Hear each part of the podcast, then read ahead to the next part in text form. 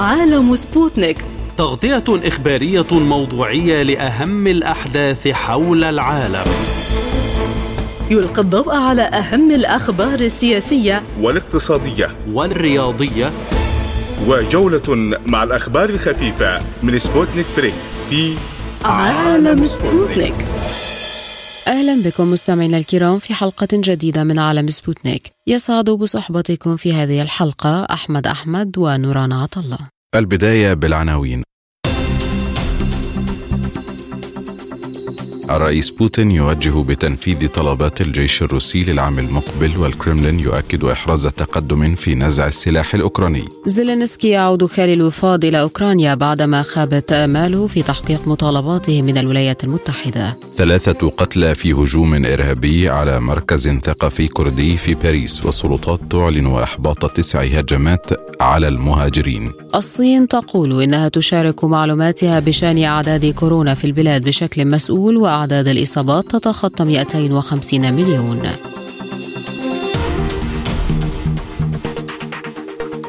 طالب الرئيس فلاديمير بوتين بتنفيذ طلبيات وزارة الدفاع بالكامل لعام 2023 وخلال اجتماع مع رؤساء شركات المجمع الصناعي العسكري الروسي أكد بوتين على ضرورة تسليم وتوريد الأسلحة والمعدات العسكرية الخاصة بالكامل كما هو معمول به في السنوات السابقة. وأشار الرئيس بوتين إلى أن أهمية عمل المؤسسات الدفاعية التي تزود جميع الوحدات بالأسلحة والذخيرة والمعدات بالحجم المطلوب والجودة المطلوبة وفي وقت قصير. من جانبه قال المتحدث باسم الكرملين ديمتري بيسكوف إن الجيش الروسي أحرز تقدما في مسألة نزع السلاح من نظام كييف وأضاف أن هناك تقدما كبيرا على طريق نزع سلاح أوكرانيا وأنه يمكن اعتبار الحد من الإمكانات العسكرية لأوكرانيا قد تحقق لمزيد من التفاصيل معنا من موسكو دكتور آصف ملحم الباحث السياسي والاستراتيجي بعد التحية يعني كيف تقرؤون توجيه رئيس بوتين بتحقيق مطالب الجيش الروسي للعام المقبل؟ في الواقع روسيا ماضية في هذه المعركة حتى النهاية لأنه لا يوجد خيارات أخرى أمامها وبالتالي لابد من تعزيز إمكانيات الجيش الروسي بأسلحة جديدة بمعدات جديدة بحيث تحقق انتصارات أوسع وأوسع. لأننا نعلم جيدا أن روسيا تريد توسيع نطاق العمليات العسكرية في أوكرانيا وهذا أصبح الأمر أصبح أمرا واضحا للجميع لأن الغرب لا يريد على في في في المدى المنظور على الأقل لا يريد على الإطلاق تقديم أي تنازلات لروسيا حول الوضع في أوكرانيا أو حول الوضع في أوروبا عموما. لذلك جاءت دعوة الرئيس بوتين لتعزيز إمكانيات الجيش الروسي بأسلحة جديدة ومعدات جديدة وغيرها.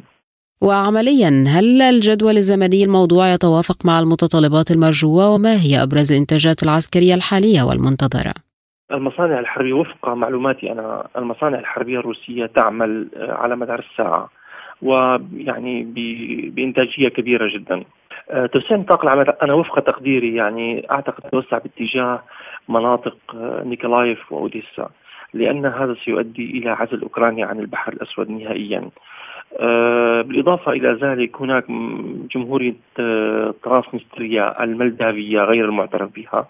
سكان هذه الجمهورية يمتدون على امتداد نهر دينيسترا بمحاذاة محافظة بمحافظة الحدود الملدافية مع محافظة أوديسا.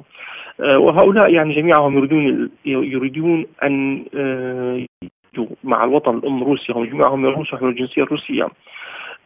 وبالتالي أعتقد أن نطاق العمليات العسكرية ستتسع في هذا الاتجاه تحديدا في هذا الاتجاه تحديدا. هناك نقطة أخرى أيضا أه جبهة بيلاروسيا، جبهة بيلاروسيا حتى الآن لم تفتح. أه والسبب هو عدم توريط بيلاروسيا في, في هذه الحرب يعني تحميلها أعباء هذه الحرب. ولكن أعتقد أن زيارة الرئيس بوتين إلى بيلاروسيا بيلاروسيا منذ عدة أيام تشير إلى أننا قد نشهد تصعيدا باتجاه غرب أوكرانيا من انطلاقا من جبهة بيلاروسيا لأن منظومات بتريوت آه التي تريد الولايات المتحدة الأمريكية تقديمها لأوكرانيا في اغلب في أغلب الظن سيتم زرعها في غرب أوكرانيا. وبالتالي توسيع الجبهة آه توسيع الحرب باتجاه غرب أوكرانيا سيساعد روسيا آه في المضي في أهدافها في سواء في شرق أوكرانيا أو سواء في جنوب شرق أوكرانيا. هل تتغير معادلة الميدان في أي وقت وتتطلب تدخل أسلحة جديدة للجيش الروسي لم يكن يستخدمها من قبل؟ أعتقد قد يتغير بنك الأهداف يعني فقط في هذه العملية. آه، يعني آه، لاحظنا تدرجا يعني لاحظنا تدرجا في العملية العسكريه الروسيه فاولا قامت روسيا بقصف أهداف ثم تحاشت تحاشت في في, في الأشهر الأولى قصف البنى التحتية الاستراتيجية والحساسة في أوكرانيا ثم أنها بدأت تقصف هذه الأماكن. ويبدو أن الجانب الأوكراني ماض يعني طبعا كما كما نعلم جميعا يعني الغرب ماض في في في في في دعم أوكرانيا بالسلاح والغاية هو استنزاف روسيا. وبالتالي آه، لا يوجد خيارات روسيا سوى آه، توسيع بنك أهدافها وقد نشهد في المراحل المقبلة يعني آه، ضرب لقيادات أوكرانية في كييف أو حتى قصف كييف من جديد وما شابه ذلك. الرئاسة الروسية تحدثت عن تقدم في نزع السلاح الأوكراني إلى أي مدى يمكن القول بأن الميدان بات محكما في قبضة الجيش الروسي؟ هذه المعركة يعني معركة كرب وفر إن صح التسمية يعني الجيش الروسي يتقدم في أماكن ويتراجع في أماكن وهذا أمر طبيعي في جميع المعارك. يبدو أن روسيا قبلت بهذا النوع من المنازلة بينها وبين الغرب.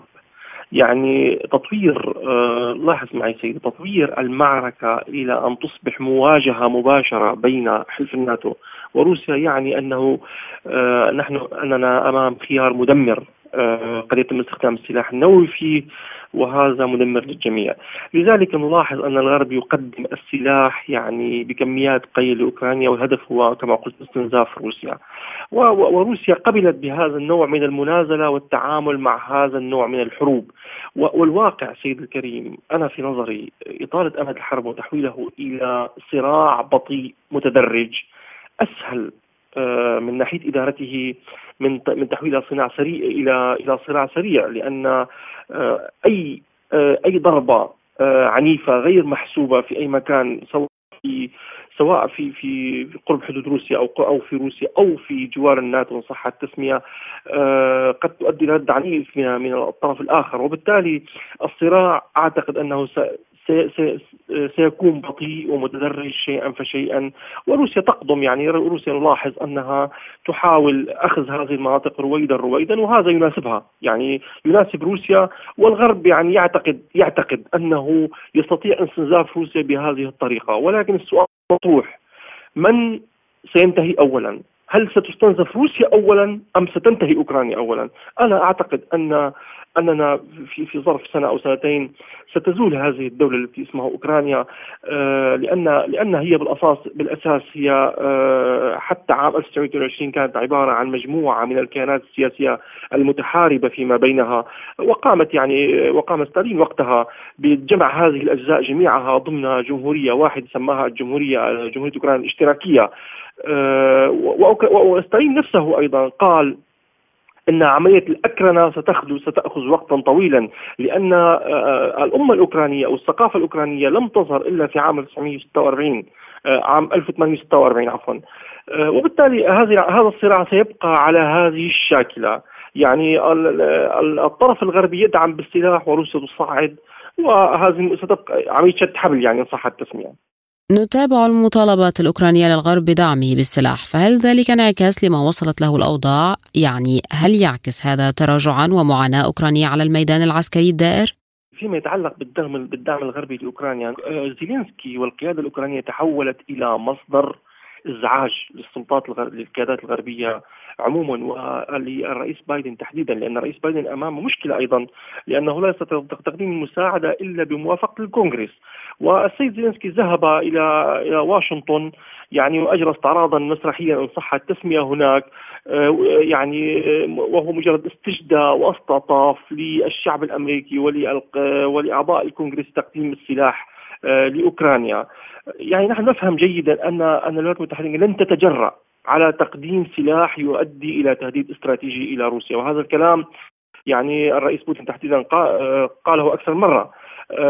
وبالتالي تقديم آه، تقديم بعض منظومات منظومات الدفاع الجوي منظومة باتريوت يعني لن تشكل آه، كسر لموازين القوى بين أوكرانيا وروسيا ولن تشكل تهديد استراتيجي إلى إلى إلى روسيا. زيلينسكي بالمناسبة سيدي الكريم حتى تكون الصورة واضحة هناك شبكات فساد يعني مستشرية في أوكرانيا نفسها. كانت هي موجودة بالأساس سابقا ولكنها تطورت وازدادت بعد قيام الحرب هذه شبكات الفساد هذه تتصرف بالأموال التي التي تقدمها آه، التي تقدمها الدول الغربية فعلى سبيل المثال مثلا سيدي يتباكون كل يوم على أن الشتاء اقترب ونحن في حالة برد مع العلم أن المعلومات الدقيقة والمصادر الأوكرانية آه، تؤكد أن هناك أكثر من 3 مليار متر. آه، مليار متر مكعب من الغاز فائض عن عن حاجة أوكرانيا في في قلب أوكرانيا. وليس هذا فحسب. آه، صدر قانونان بالمناسبة. آه، آه، أرقامهم عندي يعني 77 33 و 77 33 على واحد. يتيح لأوكرانيا بيع الغاز الطبيعي لبعض الزبائن الآسيويين بسعر أقل من سعر السوق بحوالي 50 80% يعني السعر الآن 1000 متر مكعب حوالي 1600 دولار وهم قرروا بيعه بحوالي 1000 1010 دولار.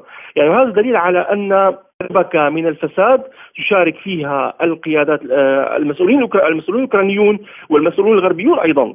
آه، فرق السعر هذا بين سعر السوق والسعر الذي سيباع فيه الغاز سيذهب إلى جيوب هؤلاء المسؤولون آه، سواء في أوكرانيا أو في الدول الغربية، وبالتالي سيد الكريم يعني آه، مهمه زيلينسكي وهو ممثل يعني السيد زيلينسكي هو وظيفته التمثيل يعني دوما التباكي أمام الدول الغربية بأننا نحن دولة معتدى عليها من قبل روسيا، آه، نحن دولة مضطهدة من قبل من قبل روسيا وما شابه ذلك. يعني بهدف يعني استدرار بعض الدولارات من الدول الغربية وليس أكثر.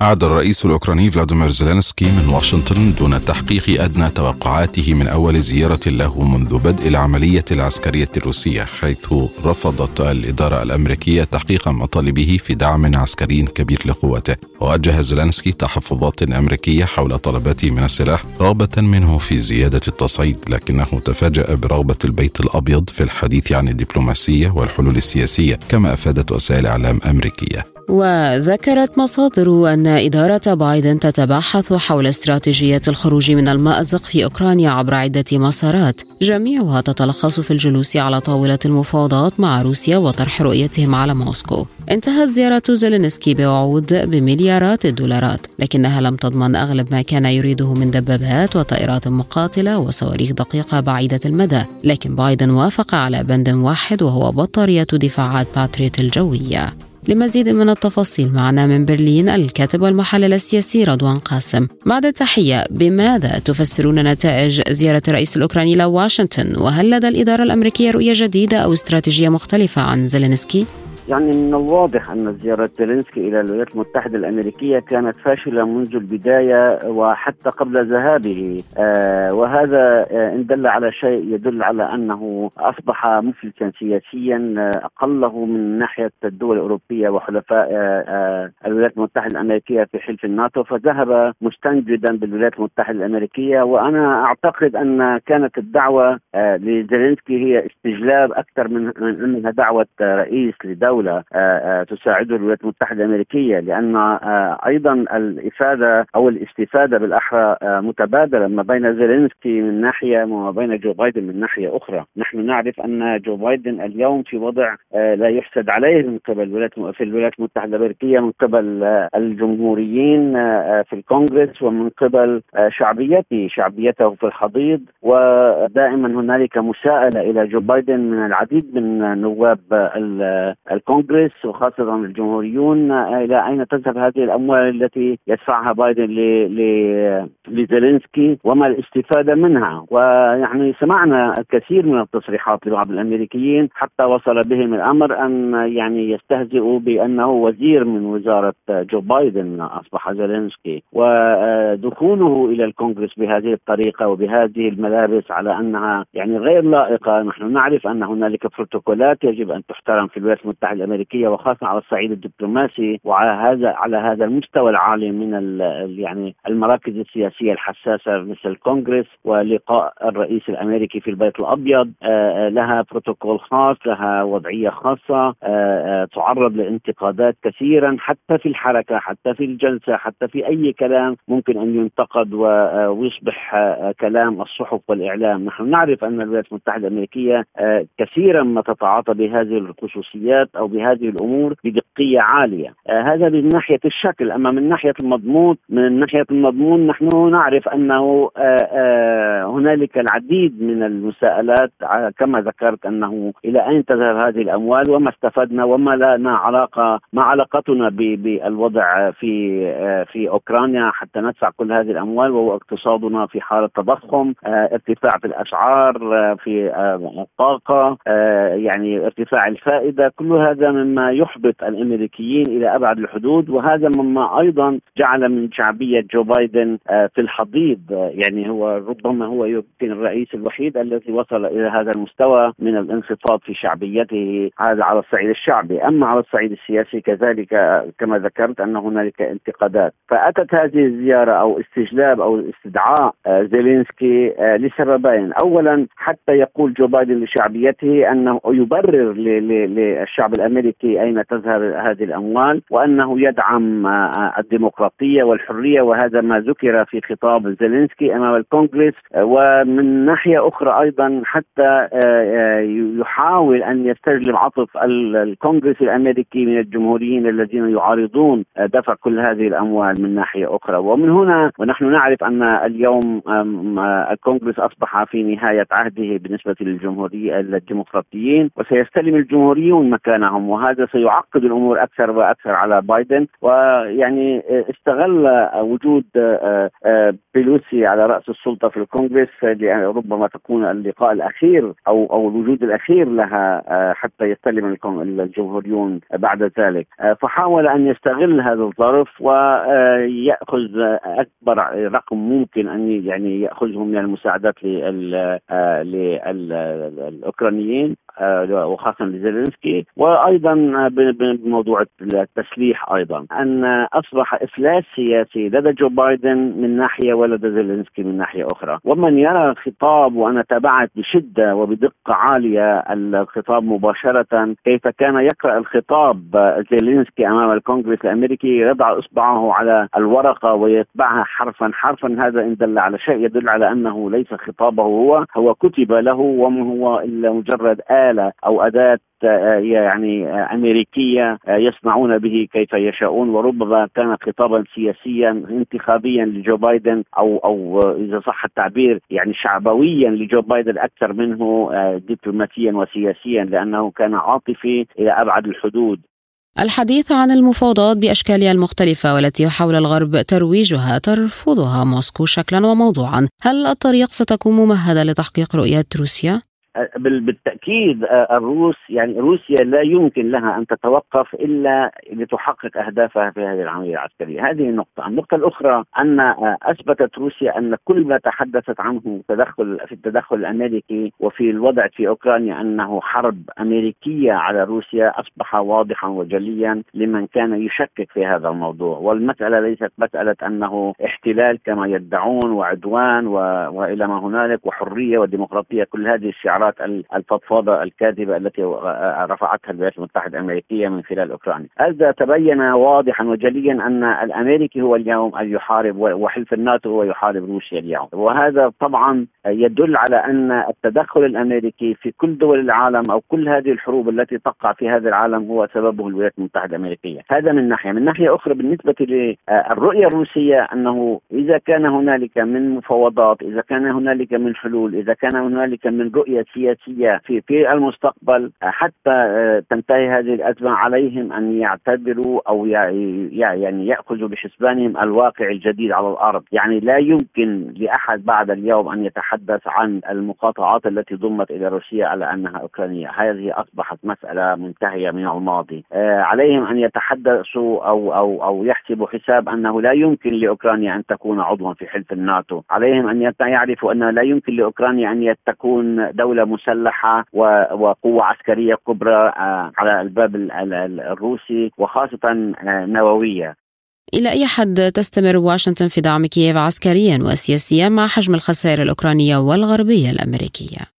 يعني هنالك هنالك مسألة يجب أن ننتبه إليها، أولا مسألية الدعم مسألية مسألة الدعم الأمريكي إلى إلى أوكرانيا نوعيتها وكيفيتها، يعني عندما كنا نتحدث عن مليارات الدولارات تدفع وذخائر وأسلحة بكميات كبيرة جدا جدا تدفع لأوكرانيا، ليس فقط من من الولايات المتحدة الأمريكية بل من كل دول حلف الناتو، اليوم تقلصت إلى أبعد الحدود وربما ربما سنراها ستبقى فقط في الداخل الأمريكي، يعني ستبقى هذه المساعدات ضمن الأمريكي فقط لأن الأوروبيين لم يعدوا قادرين كما ذكرنا سابقا على هذا الدعم، اذا الأمريكي إلى متى سيستمر؟ طبعا هو قادر على أن ان أن يستنفذ القوة الأوكرانية حتى لو آخر جندي لأنه يقاتل دائما الأمريكي دائما يقاتل بالآخرين يعني بال بال بالحرب البديلة عنه، هو لا يحارب مباشرة هو يحارب بجنود آخرين بقوة أخرى ببلد آخر. ليس على ارض هذه الحرب هو ليس خاسر كثيرا. وهذه الأسلحة بالمناسبة التي يقدمها الأمريكي اولا أسلحة قديمة ثانيا آه، يدفع ثمنها الأوروبي. يعني الأوكران نفسهم والأوروبيون أنفسهم يدفعون ثمن كل طلقة تقدم إلى أوكرانيا. يعني الأمريكي مستفيد الأمريكي مستفيد ببيع الغاز والنفط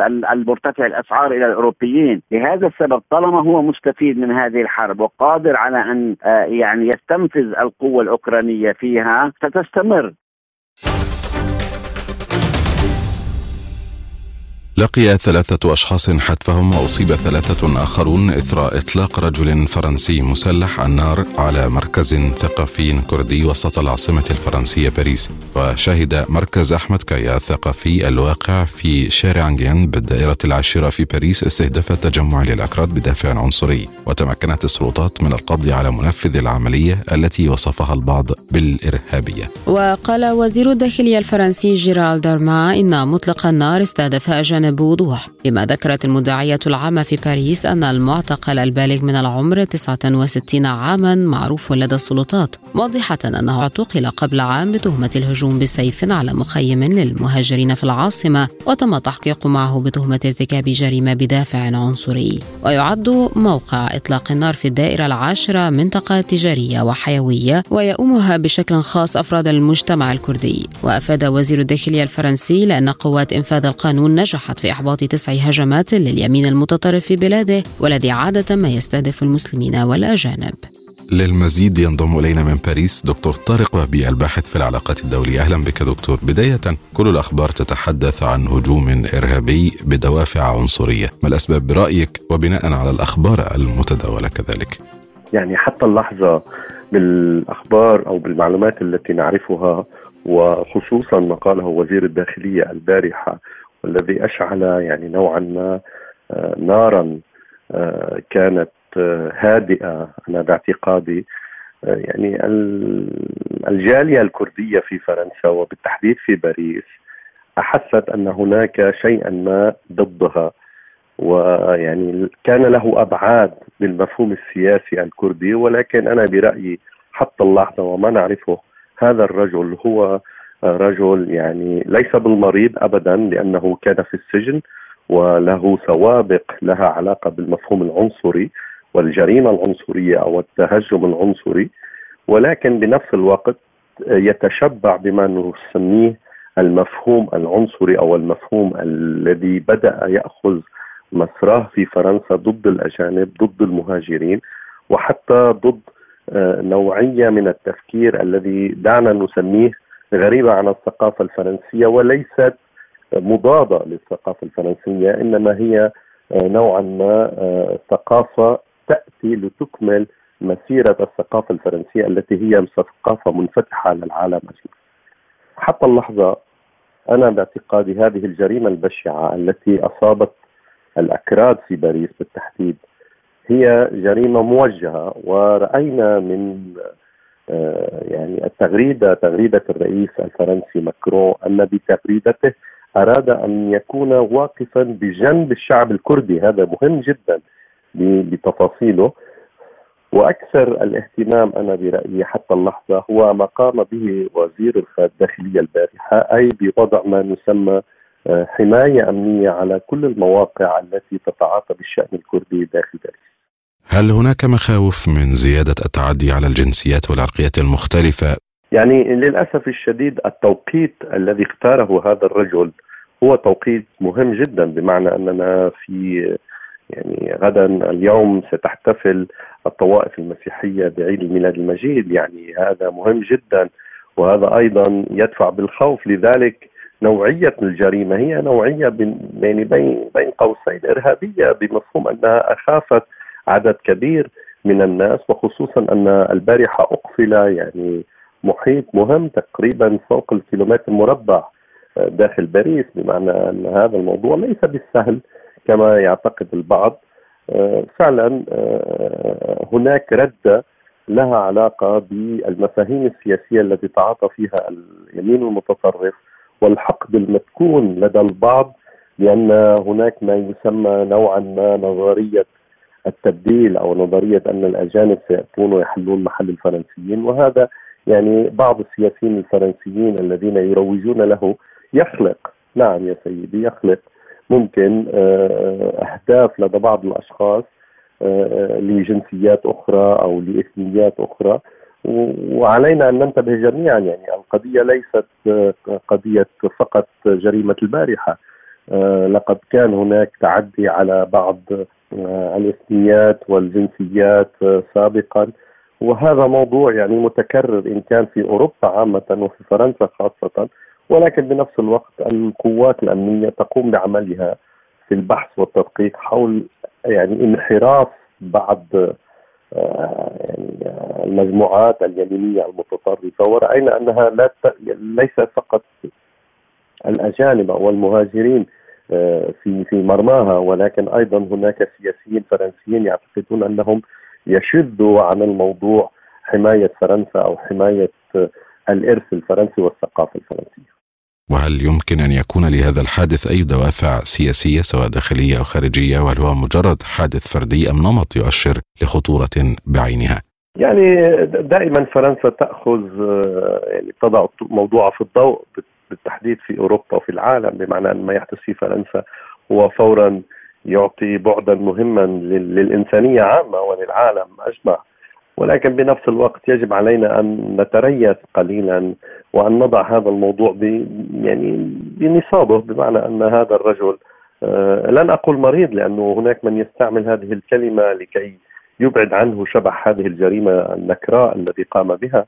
ولكن أنا برأيي هذا الرجل مشبع بأفكار وهذه الأفكار دعنا نقول يا سيدي أنها في أوروبا بدأت تقوى وتقوى كثيرا وخصوصا أن يعني دول مثل إيطاليا أصبحت تحكمها اليمين يحكمها اليمين المتطرف دول حتى مثل هولندا والدنمارك هناك وجود لليمين المتطرف في فرنسا يوجد وجود لليمين الذي يقول أنه غير متطرف ولكن في أفكاره لا, لا رأينا في المجلس النيابي بعض الملاحظات التي يقوم بها هؤلاء النواب 89 نائب للتفسير فقط في فرنسا.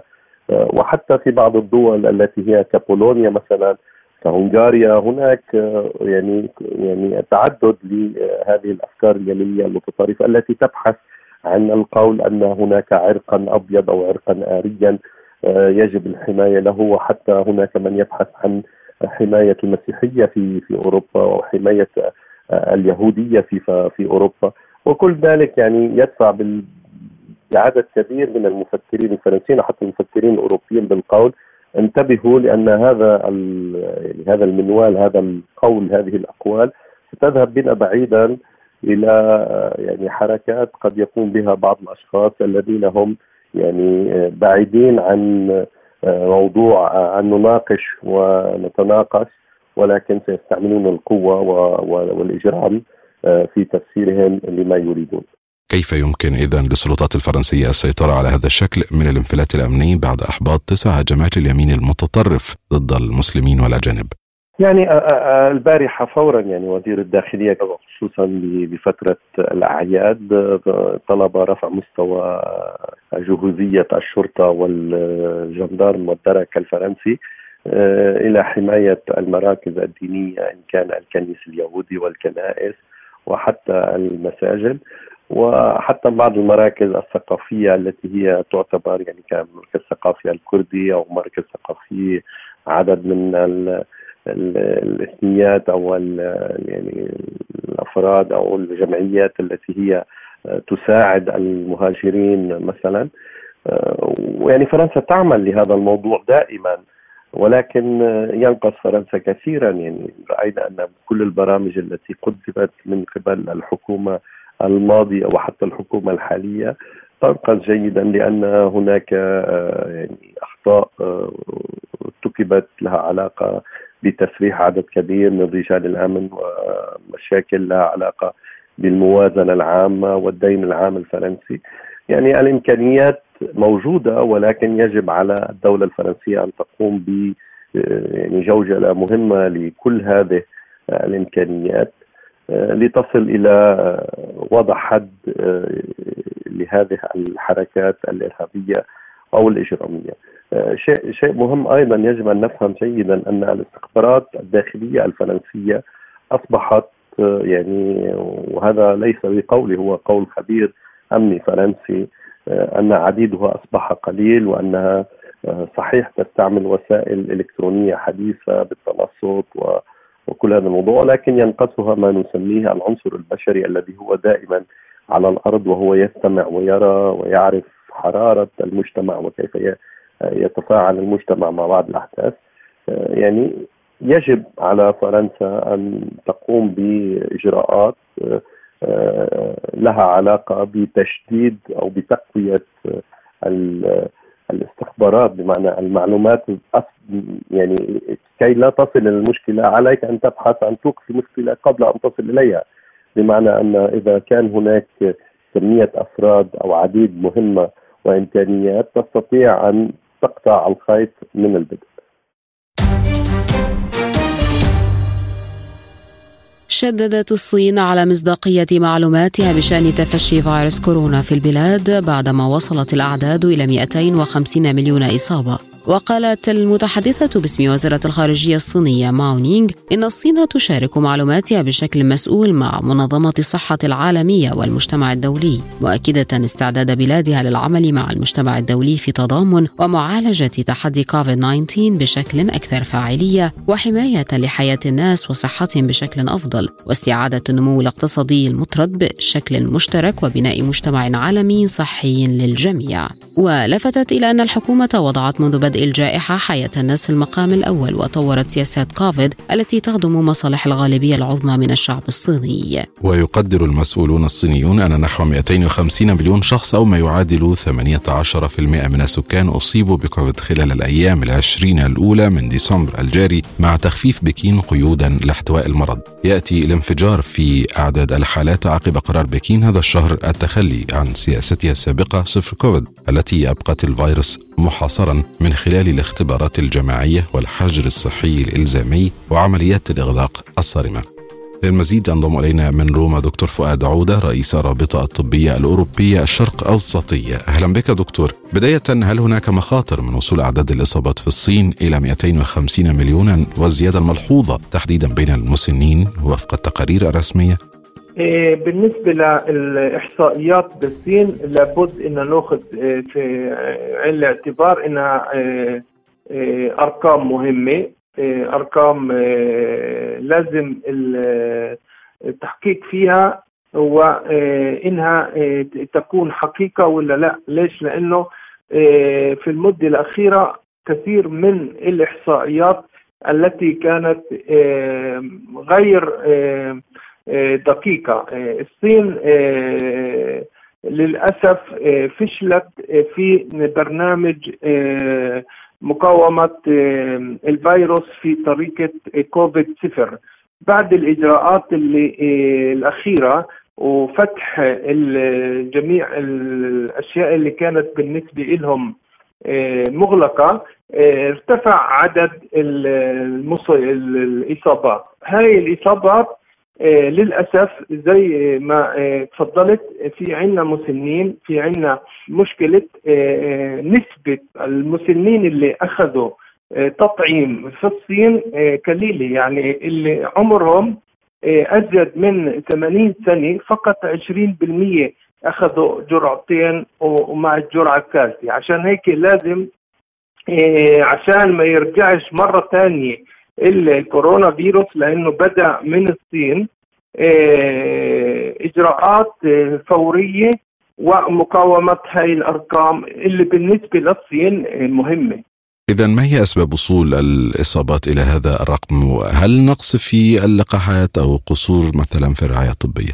بالنسبة للصين زي ما إحنا بنعرف إنه حتى الآن جميع الإجراءات اللي صارت في الصين أغلبها إجراءات سياسية وليس مع أهداف صحية. عشان هيك للأسف آه، النقطة الأولى إنه التطعيم في الصين أو التطعيم الصيني فيش عنده آه، قوة مناعة مثل اللقاحات الثانية. آه، تقريبا قوته 50% أقل من اللقاحات الثانية. ما عملوش التطعيم مثل ما عملوا أغلب الدول اللي كانت فيها إصابات آه، عالية. آه، في نفس الوقت آه، جميع الأشياء في نقص أدوية كثيرة. الصين وصلت إنه كثير من الشركات وخصوصا شركات الأدوية. ليش؟ لأنه كان إغلاق قوي ولما يكون عندها أرقام لو هاي الأرقام في أوروبا كان يعني فتحوا الكل من أول يوم. ليش؟ لأنه الصين لما يكون عندها فقط 10 أو 15 اصابه كانوا يعطوا قرارات إغلاق فورا. عشان هيك اليوم في عندنا مشكلة نقص دواء في عندنا مشكلة نقص لقاحات ومشكلة إنه للأسف لم يتم إجراءات الفتح تدريجي. يعني انتقل الصين من مقاومة كورونا فيروس في برنامج كوفيد صفر إلى إجراءات فتح والأشخاص خرجوا خصوصا هسه في مشكلة الريف بدون إجراءات تدريجية.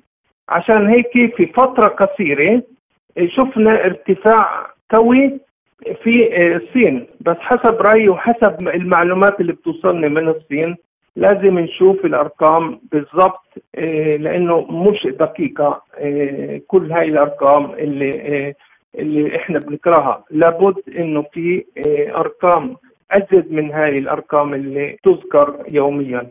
هل تعود الصين إلى سياسة الإغلاق مجددا مع الموجة الأخيرة أم ربما تتبع استراتيجية أخرى؟ وهل تظل منغلقة على نفسها في مواجهة الجائحة أم تنفتح على الهيئات الدولية للمساعدة ومزيد من الفعالية في المواجهة هذه المرة؟ في عندها أزمة بطالة آه، قوية آه، في المدة الأخيرة وآخر أشهر البطالة ازدادت في آه، الصين تقريبا بنسبة 5.7% وعشان هيك في آه، أزمة بين آه، البطالة خصوصا بين الشباب في أزمة اقتصادية أزمة مصانع كثير تم إغلاقها. عشان هيك الصين لابد إنها تعمل هسه قرارات. أول إشي أهدافها صحية وليس سياسية. عشان هيك بصير بالنسبة لها مشكلة آه، كبيرة لأنه في آه، تقريبا 25% زيادة آه، الأمراض النفسانية بالصين بسبب هاي الإغلاقات وهاي الفترة الطويلة وخصوصا القرارات اللي اللي صارت في الصين بالنسبة للحجر الصحي وجميع هاي الأمور اللي تخص الوباء تختلف عن الدول الثانية. يعني الحجر الصحي بالنسبة للشعب الصيني كانوا يعملوه في مؤسسات حكومية وليس في البيت. عشان هيك أنا بتأمل إنه آه، الصين تتعلم أسلوب تعايش مع الفيروس. وهو وهي ولا مرة عملت هذا الأسلوب. تعايش مع الفيروس إنه تقاومه من الناحية الصحية تعالج جميع الأشخاص المصابين تأخذ مساعدات من الدول الأوروبية. وهي غلط من الأغلاط الكبيرة اللي عملته آه، الصين.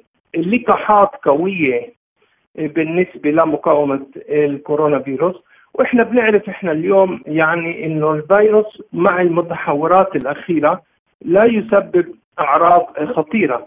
بس المشكلة في عندنا مسنين كثير عددهم ونسبتهم آه، كبيرة. في آه، الصين اللي أصيبوا عشان هيك في هاي الأرقام اللي توفوا. مثلا الأطباء في الصين خبروني إنه يوميا 20 جثة يتم حرقهم لما لأنهم توفوا. في المدة الأخيرة آه، كثير من الأشخاص لم يعملوا المسحات عشان التشخيص. آه، عشان هيك بقول إنه هاي الأرقام حسب رأيي آه، مش دقيقة والخوف إنها تخطئ أجد بكثير من هاي الأرقام. إلى ماذا تحتاج الصين حتى تتخطى هذه المرحلة في المدى القريب والأبعد؟ وما الجدوى الزمني لذلك والجدوى المنتظرة أيضا؟ إيه هنا بالنسبة للصين لازم تتعامل مع منظمة الصحة العالمية ومع جميع المؤسسات الصحية. يعني كان مقاومة الكورونا فيروس من أول يوم غير شفاف وفي نفس الوقت بالنسبة للسبب انتشار الكورونا فيروس ولم يعطوا معلومات دقيقة ومن هذاك اليوم الصين تحت المراقبة دوليا. عشان هيك وإذا الصين تستمر بمقاومة كورونا فيروس في بشكل فردي مع إنه هي قوة اقتصادية سياسية مهمة بس هذا لا يعني إنه بتقدر تقاوم الكورونا فيروس إيه، لحالها.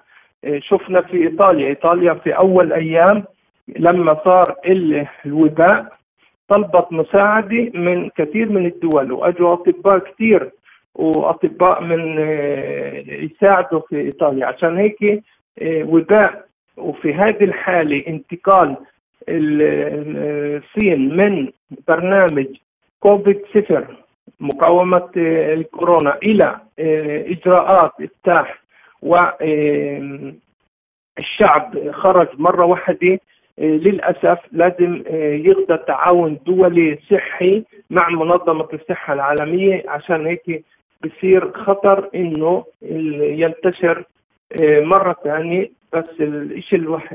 يعني المهم إنه الكورونا فيروس ضعف في هذه السنين. الخطر إنه يجي كورونا فيروس أو فيروس ثاني اللي هو أخطر من الكورونا فيروس ويسبب آه، وباء ثاني وهذا الخطر الكبير.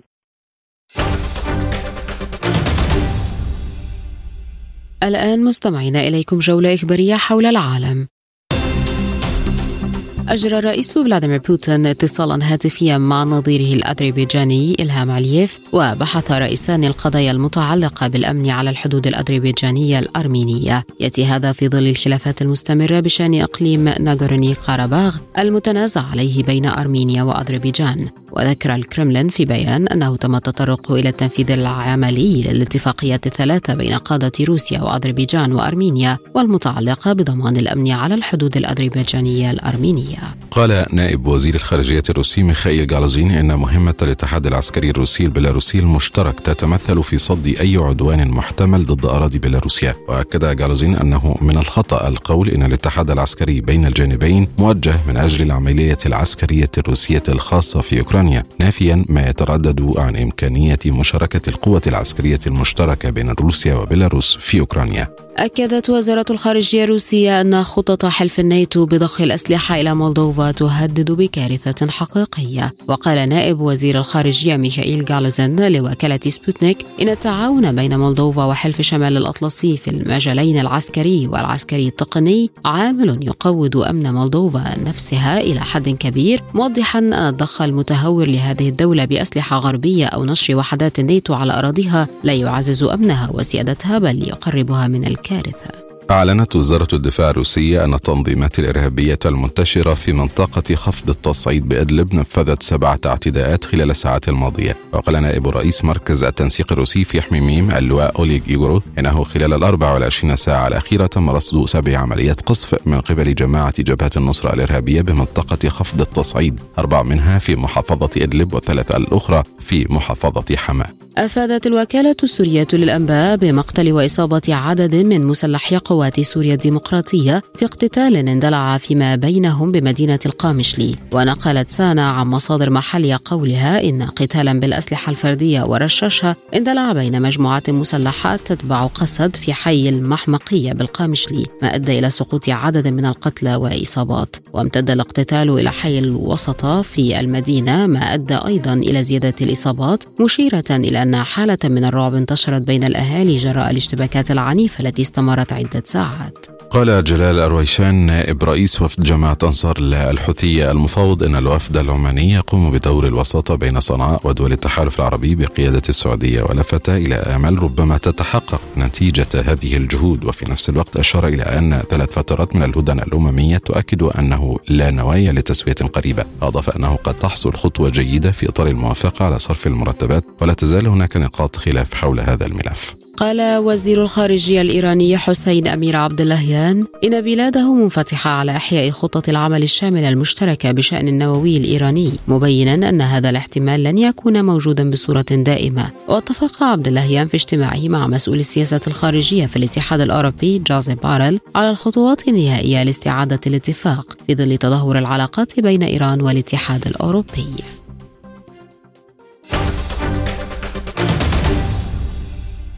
مستمرون معكم وهذه تذكرة بأهم العناوين.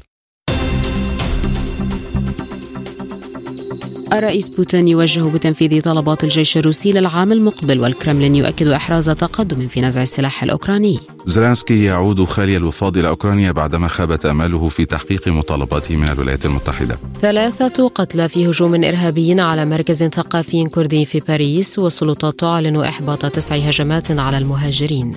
الصين تقول إنها تشارك معلوماتها بشأن أعداد كورونا في البلاد بشكل مسؤول وأعداد الإصابات تتخطى 250 مليونا.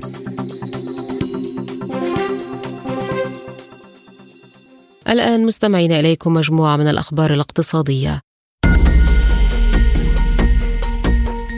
قال مكتب الإحصاء السعودي إن إيرادات البلاد من صادرات النفط الخام والمنتجات المكررة مثل الديزل تراجعت إلى 25 مليار و500 مليون دولار في أكتوبر وهو أدنى مستوى منذ فبراير الماضي عندما سجلت البلاد عائدات قدرها 24 مليار و200 مليون دولار. هذا وحققت المملكة مكاسب من مبيعات النفط اقتربت من أعلى مستوياتها وهي في طريقها هذا العام لتجاوز الرقم السنوي القياسي البالغ 307 37 مليار دولار الذي حققته في عام 2012 لكن البيانات الصادرة عن مكتب الإحصاء تعكس كيف أثر ضعف الاقتصاد العالمي والتضخم المرتفع على سوق النفط. كان تحالف أوبك بلس بقيادة السعودية وروسيا قرر مطلع أكتوبر الماضي خفض الإنتاج النفطي بمقدار مليوني برميل يوميا لضبط الأسعار وإعادة التوازن للسوق. وقد انخفض إنتاج أعضاء أوبك في نوفمبر بواقع 744 ألف برميل يوميا مقارنة بأكتوبر ليسجل 28 مليون و83 ألف برميل يوميا. وبذلك بلغ التزام دول المنطقة بالاتفاق النفطي بنسبة 174% لمزيد من التفاصيل ينضم إلينا من جدة دكتور حبيب الله تركستاني الخبير الاقتصادي. بعد التحية دكتور حبيب، كيف تحققت معادلة أوبك بلس بخفض الإنتاج وتحقيق مكاسب؟ طبعا ما في شك يعني اولا يعني اسعار النفط تأثرت بالأوضاع السياسية والأوضاع الأزمات الاقتصاديه اللي حصلت بين أوروبا والمقاطعات التي حصلت أيضا بين أوروبا وروسيا بسبب الأحداث الدائرة بين كرواتيا وروسيا. اسعار النفط طبعا تأثرت أيضا بالقرارات الجديدة التي تم فيها تحديد أسعار النفط المباح أو إنه ولو إنه يقولوا الغاز يعني هو اللي يتحدد أكثر من النفط لكن أيضا بيتأثر على على المدى المستقبلي بالنسبة للمشترين. لأن العامل النفسي طبعا يلعب دور كبير في قضية تحديد أسعار النفط الفعلي اللي ممكن تتعاقد عليها الدول في شراء هذه السلع فلذلك أنا أقول إنه يعني الآن في ارتفاع في أسعار النفط لا نتيجة السياسات الاقتصاديه اللي حصلت مؤخرا والقرار الأوروبي في تحديد أسعار النفط المصدر من دولة روسيا. هذا طبعا لا شك إنه سوف يؤثر على آه، منحنى الضرب وعلى الأسواق لأنه حتى توجه المنتجات الآن أو التصدير للنفط الروسي إلى دول آسيا وإلى دول أخرى آه، ربما أمريكا اللاتينية إلى آخره لأنه آه، طبعا أوروبا أصبحت يعني لا تشكل سوقا واعدا كما هو في السابق. ما مردود هذه النتائج على السوق العالمي بصفة عامة؟ لا السوق العالمي طبعا حيتاثر صعودا وهبوطا طالما أن الحرب قائمة والاوضاع السياسيه غير مستقرة آه النفط الحقيقة مشكلتها أصبحت سلعة سياسية يعني نحن ما بنتكلم عن سلعة يعني آه اقتصادية تجارية يمكن أن نتنبأ ونضع عليها النظريات الاقتصادية ثم نحكم على ما يدور الآن ثم ما سيدور في المستقبل. لكن مشكلة النفط والغاز تحديدا يعني هي سلع أصبحت من السلع الاستراتيجية التي يتحكم فيها السياسة أكثر من منحنى السوق. وهذا طبعا أمر يعني مشهود به الآن. لكن هنالك بعض الدول التي سوف يعني تحافظ على التوازن الاقتصادي على أساس ان يكون هنالك آه، نوع من التوازن ومعقولية في الأسعار وعدم استغلال الفرص آه، أو استغلال الأحداث ان صح التعبير في آه، في رفع السعر أو في خفض الإنتاج أو في زيادته إلى آخره. هذه طبعا أمور يعني لابد أن تكتب لها حسابات ولكن حسابات سياسية وأنا لست سياسيا في الموضوع ده لكن اقتصاديا أصبحت السلعة أو النفط والغاز في الأسواق العالمية لا يتحكم فيها العامل الاقتصادي بشكل آه، كبير وبشكل كان مفترض يعني أن ينبغي أن يكون عليه. إلى أي مدى كان قرار أوبك بلس هو الأنجح في ظل تقلبات السوق العالمي؟ طبعا قرار أوبك هو قرار يعني يعتمد على على الأغلبية. يعني ربما هنالك في بعض الدول بتتحفظ على بعض القرارات. أه وهنالك بعض الدول طبعا اللي هي تصوت يعني مع القرار. ومعروف إن منظمة أوبك هي منظمة يعني آه، ترعى مصالحها وتقرأ السوق وتحسب المتغيرات الاقتصادية والسياسية آه، على أساس انها تحافظ على آه، التوازن في أسعار أو خلينا نقول منحنى العرض والطلب في السوق العالمي للنفط حتى تتمكن يعني الدول أيضا أن تستمر في في يعني استخدامها لهذه السلعة. نحن نعرف أن عندنا مشكله الآن في أوروبا مشكلة الغاز والشتاء طبعا القارس وهذا يشكل يعني طلب كبير على هذه السلعة. آه لكن نقول النفط أيضا يعني مصدر طاقة.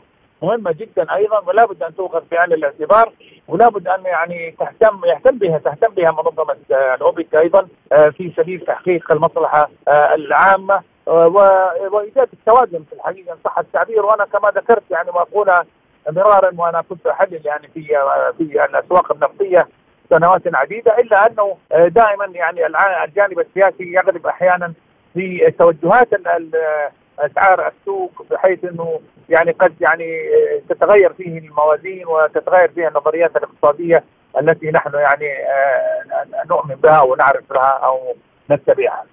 ونرجو ذلك.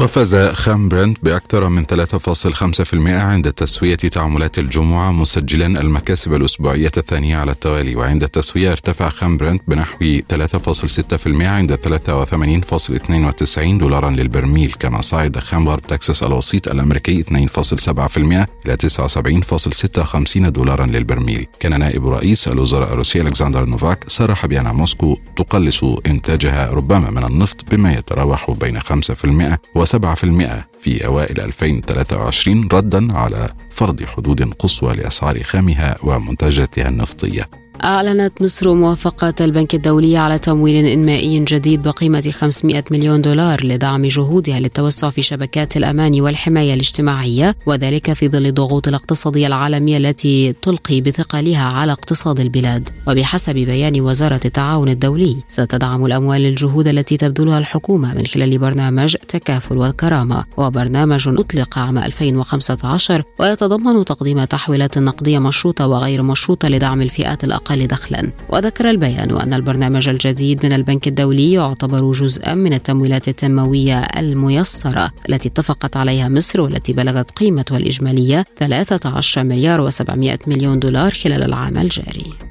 قال رئيس الوزراء العراقي محمد شيع السوداني إن بلاده لديها خطط واعدة في مجال الطاقة والنفط والغاز. تصريحات السوداني جاءت خلال مؤتمر صحفي مشترك مع رئيسة وزراء إيطاليا جورجا ميلوني. وأكد السوداني أن شركات إيطالية تعمل في العراق معربا عن أمله بمجيء المزيد من الشركات الإيطالية المتخصصة إلى بلاده خاصة في مجالات البنى التحتية واستثمار الغاز. وقالت ميلوني أنه لا يمكن أن يكون هناك ازدهار في الشرق الأوسط دون عراق قوي.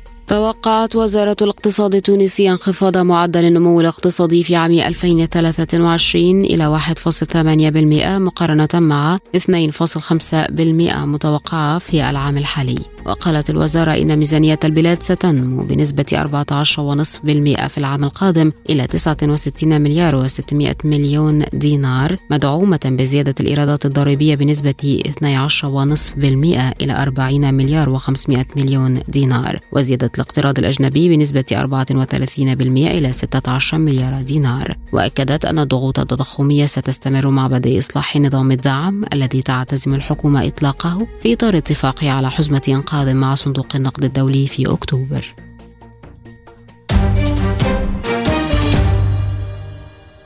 والآن مع أخبار الرياضة. وضعت قرعة بطولة كأس الأمم الأفريقية للشباب تحت 20 عاما المنتخب المصري في مجموعة صعبة تضم منتخبي السنغال ونيجيريا إضافة إلى موزمبيق. بينما جاءت تونس في مجموعة غامبيا وبنين وزامبيا لتحاول الثأر من غامبيا التي خطفت منها المركز الثالث في نسخة العام الماضي بموريتانيا. وسحبت القرعة في مركز المنتخبات الوطنية بالسادس من أكتوبر في مصر التي تحتضن البطولة في فبراير شباط المقبل بمشاركة 12 منتخبا تم تقسيمهم إلى ثلاث مجموعات. أقدمت إدارة نادي النصر السعودي على خطوة جديدة من أجل حسم صفقة النجم البرتغالي كريستيانو رونالدو. وأوضح مصدر في نادي النصر أن الإدارة تحاول إنهاء ملف التعاقد بأسرع وقت حيث التقى ممثل النادي بأشخاص مقربين من رونالدو في دبي لإقناعه بالموافقة على العرض والظهور كلاعب في الدوري السعودي. وأشارت صحيفة تايمز إلى حصول الدون على عرضين فقط حتى الآن. الأول بقيمة 173 مليون جنيه استرليني من نادي النصر السعودي إضافة إلى عرض آخر من ناد قطري يحتوي على بنود مالية أقل قيمة. والآن إلى سبوتنيك break.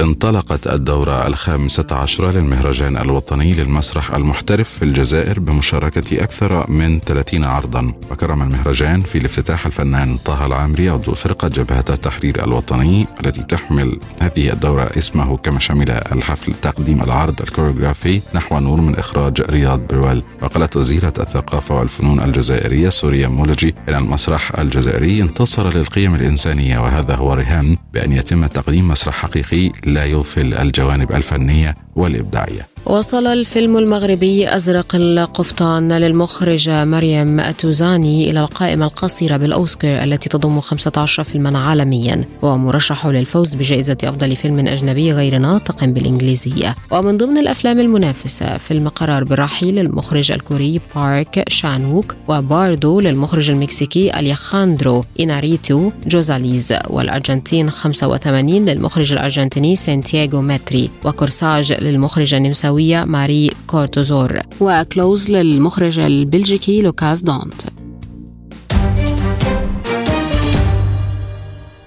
والآن ختام هذه الحلقة. تذكير بأهم ملفات عالم سبوتنيك. الرئيس بوتين يوجه بتنفيذ طلبات الجيش الروسي للعام المقبل والكرملين يؤكد إحراز تقدم في نزع السلاح الأوكراني. زيلينسكي يعود خالي الوفاض إلى أوكرانيا بعدما خابت أماله في تحقيق مطالباته من الولايات المتحدة. ثلاثة قتلى في هجوم إرهابي على مركز ثقافي كردي في باريس والسلطات تعلن إحباط تسع هجمات على المهاجرين. الصين تقول إنها تشارك معلوماتها بشأن أعداد كورونا في البلاد بشكل مسؤول وأعداد الإصابات تتخطى 250 مليونا. في الاقتصاد عائدات النفط السعودي تهبط لأدنى مستوياتها وتحقق أفضل الإيرادات بعد قرار أوبيك بلس. وكان في الرياضة قرعة أفريقيا للشباب تضع مصر في مجموعة السنغال ونيجيريا وتونس مع غامبيا. للمزيد زوروا موقعنا عبر الإنترنت سبوتنيك dot ae.